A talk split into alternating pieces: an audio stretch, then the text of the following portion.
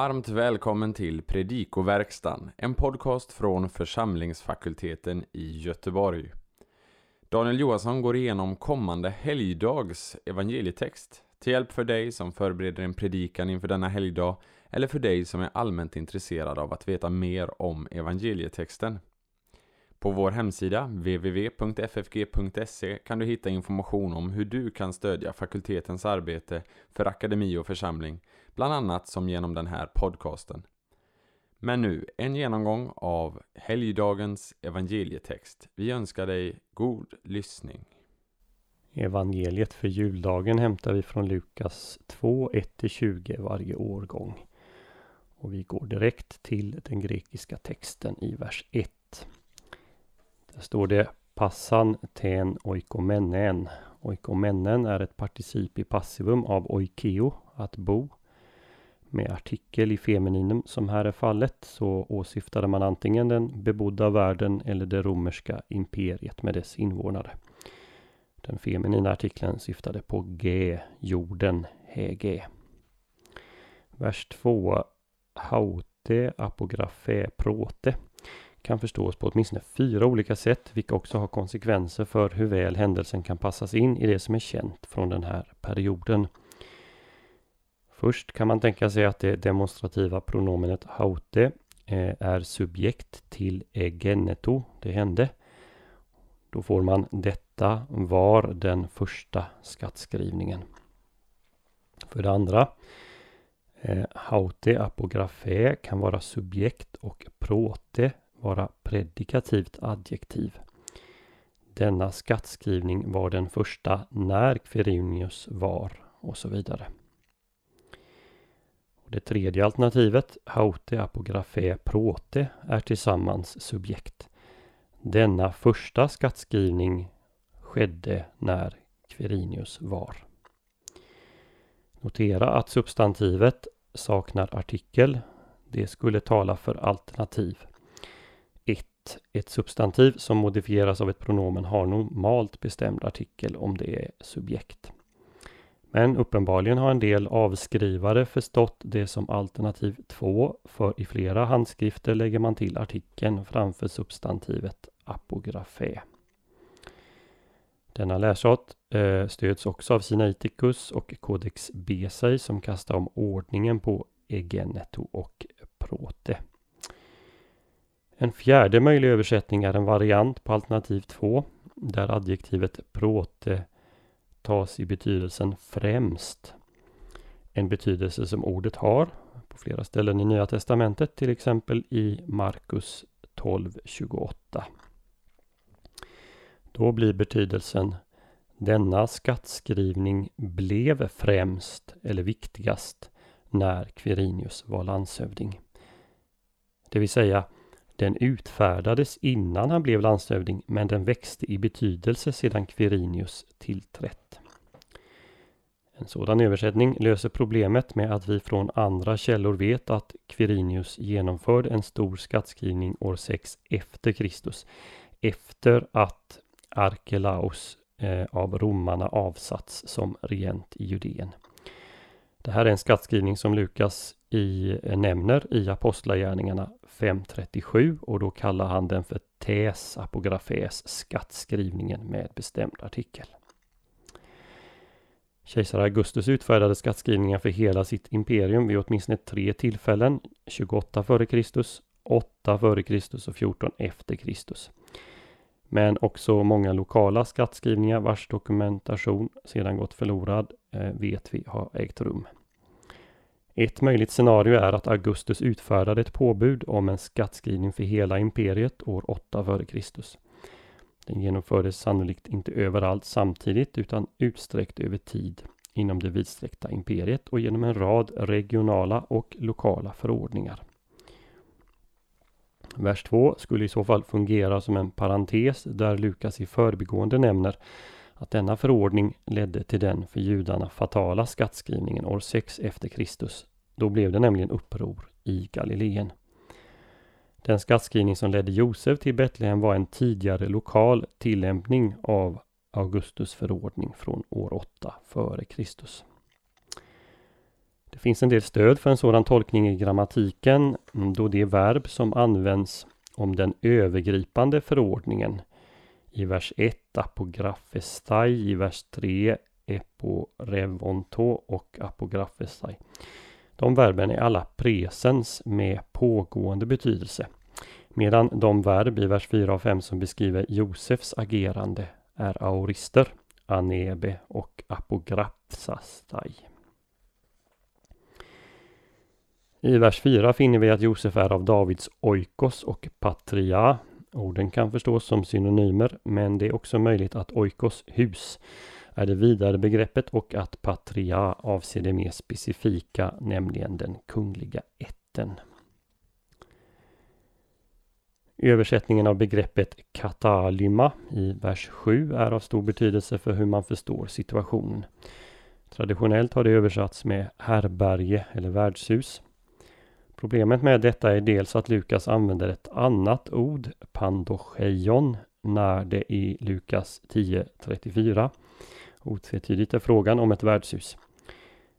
Eh, dels har ordet en annan betydelse när det används senare i Lukas 22.11 om det rum i vilket Jesus firade påskmåltiden. Det troliga är att med katalyma avses det gästrum som ofta fanns på taket på ett hus. Den i julspel ofta framställda scenen med Josef och Maria som förtvivlat knackar på dörren till fulla värdshus har knappast stöd i texten. Vers 6 understryker med en presens infinitiv att de redan är på plats i Betlehem när verkarbetet satte igång. Egeneto de ento eina autos eikei. Det hände när de var där. Josef och Maria bodde troligen i gästrummet i ett hus, men gästrummet var för litet för att föda i. Jesus föddes istället i husets enda stora rum, vardagsrummet, på husets första våning. Ehm, ett rum i vilket också djuren hade en liten avdelning. Han lades efter födelsen i den krubba som skilde människornas del från djurens. Betydelsen av antropois evdokias, välviljans människor i vers 14 är omstridd. Men de flesta anser nu att uttrycket återger ett judiskt sätt att säga det på vilka Guds välvilja vilar. Det handlar alltså inte om människors välvilja. Textvarianten i vilken Evdokia står i nominativ eh, placerar detta i apposition till eirene med betydelsen och på jorden frid i meningen välvilja bland människor. Men genitivformen har starkare stöd i handskrifterna och betydelsen av vers 14 blir då Ära till Gud i det högsta och på jorden frid bland människor på vilka Guds välbehag vilar. I vers 15 finner vi den hortativa konjunktiven dielthomen deheos. Verbet dierchomai är vanligt hos Lukas när det följs av heos, vilket det också gör tre gånger i Apostlagärningarna. I 9.38, 11.19 och 11.22. Ja, då kommunicerar det en relativt lång resa. Det skulle kunna tyda på att det var en bra bit ifrån det ställe där herdarna befann sig in till Betlehem och det hus där Maria och Josef och den nyfödde fanns. I vers 17 saknar Gnorizo, att göra känt ett direkt objekt. Vilka berättade herdarna för egentligen? Vers 18 antyder att de berättade för alla de mötte. Vers 19 att det var för Josef och Maria. Med tanke på kung Herodes grymhet och att ett av hans pelats, Herodium, låg bara fem kilometer sydöst om Betlehem är det väl tveksamt att herdarna verkligen talade vitt och brett om vad de varit med om. Kanske man därför snarare ska förstå vers 18 som en referens till dem som var i det hus där Maria födde. Till sist eh, vers 19. De svenska översättningarna lämnar orden eh, taremata som betyder orden. oöversatt. Eller så tar man taremata i meningen saker och översätter med allt detta. De flesta översättningarna har eh, ting här, det vill säga att Maria begrundade både det som skett och det herdarna talat. Men i ljuset av vers 17 där det står att herdarna omtalade det ord som talats till dem av ängeln. Perito rematos to lalethentos. Är det möjligt att man ska ta remata i sin grundbetydelse, nämligen ord, och att Lukas särskilt lyfter fram att Maria bevarade orden från ängeln som herdarna fört vidare till henne. Julevangeliet faller naturligt i tre större delar. Den första, vers 1-7, beskriver födelsen och anledningen till att den skedde i Betlehem. Den andra, vers 8-14, eh, beskriver hur herdarna utanför Betlehem får reda på vad som sker. Och den tredje, 15 20, deras herdarnas möte med den nyfödde och deras berättelse om vad ängeln uppenbarat för dem. Och så några övergripande kommentarer.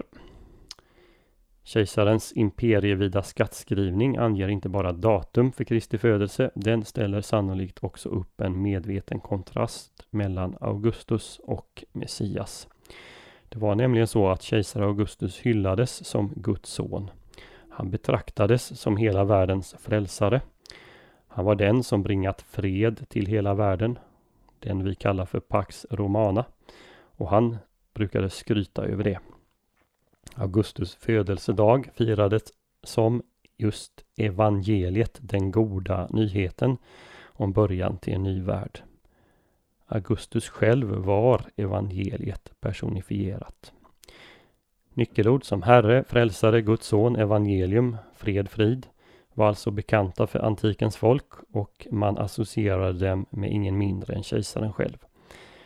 Det är mot denna bakgrund Jesus föds i Davids stad, Betlehem, i imperiets östra utkant.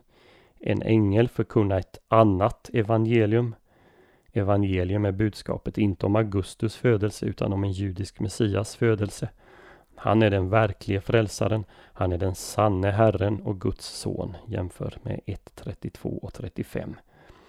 Ty idag har en frälsare blivit född åt er i Davids stad och han är Messias, Herren. Och en himmelsk här, inte den romerska, proklamera att den nyfödde bringar verklig fred till jorden. Men den efterlängtade judakungen föds så långt från glans man tänkas kan. Han står, det står ingenstans att Josef och Maria var fattiga. Som snickare i Nasaret hade Josef det troligen hyfsat väl ställt. Ändå styr Gud det så att djurens foderkrubba blir kungens första bädd. Det är inte präster, skriftlärda eller rika som får höra ängelns evangelium utan föraktade herdar och det är de som i glädje skyndar sig till frälsaren. Det mottagande Messias ska få som vuxen, ja det möter redan under hans första dagar här på jorden. Till sist två kommentarer om själva avslutningen. Lukas noterar att Maria bevarade och begrundade eller övervägde orden som talats, alternativt allt det som hänt. Och den notisen tog ha en dubbel funktion. Dels kan det vara en indikation på att Maria själv är Lukas källa. Källan till allt det han berättat här om. Här kan man jämföra med kapitel 2, vers 51 som har en liknande formulering. Och dels så är det här en hint till läsaren eller åhöraren att man på samma sätt som Maria bevarade och begrundade evangeliet Eh, det ska också den som hör eller läser detta göra. Det hela avslutas emellertid med notisen om att herdarna vänder hem under lov och pris till Gud. Här stöter vi på ett återkommande mönster i Lukas evangeliet. I regel slutar en berättelse om ett underverk Jesus gör med att folk prisar Gud. Se till exempel i 5, 25-26, 13, 13, 17, 15 och många fler ställen. Messias födelse är den första i raden av under som Lukas berättar om. Så hoppas vi att denna genomgång får bli till hjälp och välsignelse för dig som har lyssnat. På vår hemsida www.ffg.se kan du hitta information om hur du kan stödja fakultetens arbete, bland annat som genom den här podcasten. Ett sätt att stödja är att skänka en gåva genom Swish. Församlingsfakultetens swishnummer är 123 100 8457. Alltså 123 100 8457. Mottagaren som anges är Peter Isak Bens utbildningsstiftelse. Märk gärna gåvan FFG Podcast om du vill stötta just denna podden. Så önskar vi dig allt gott och Guds välsignelse. Thank you.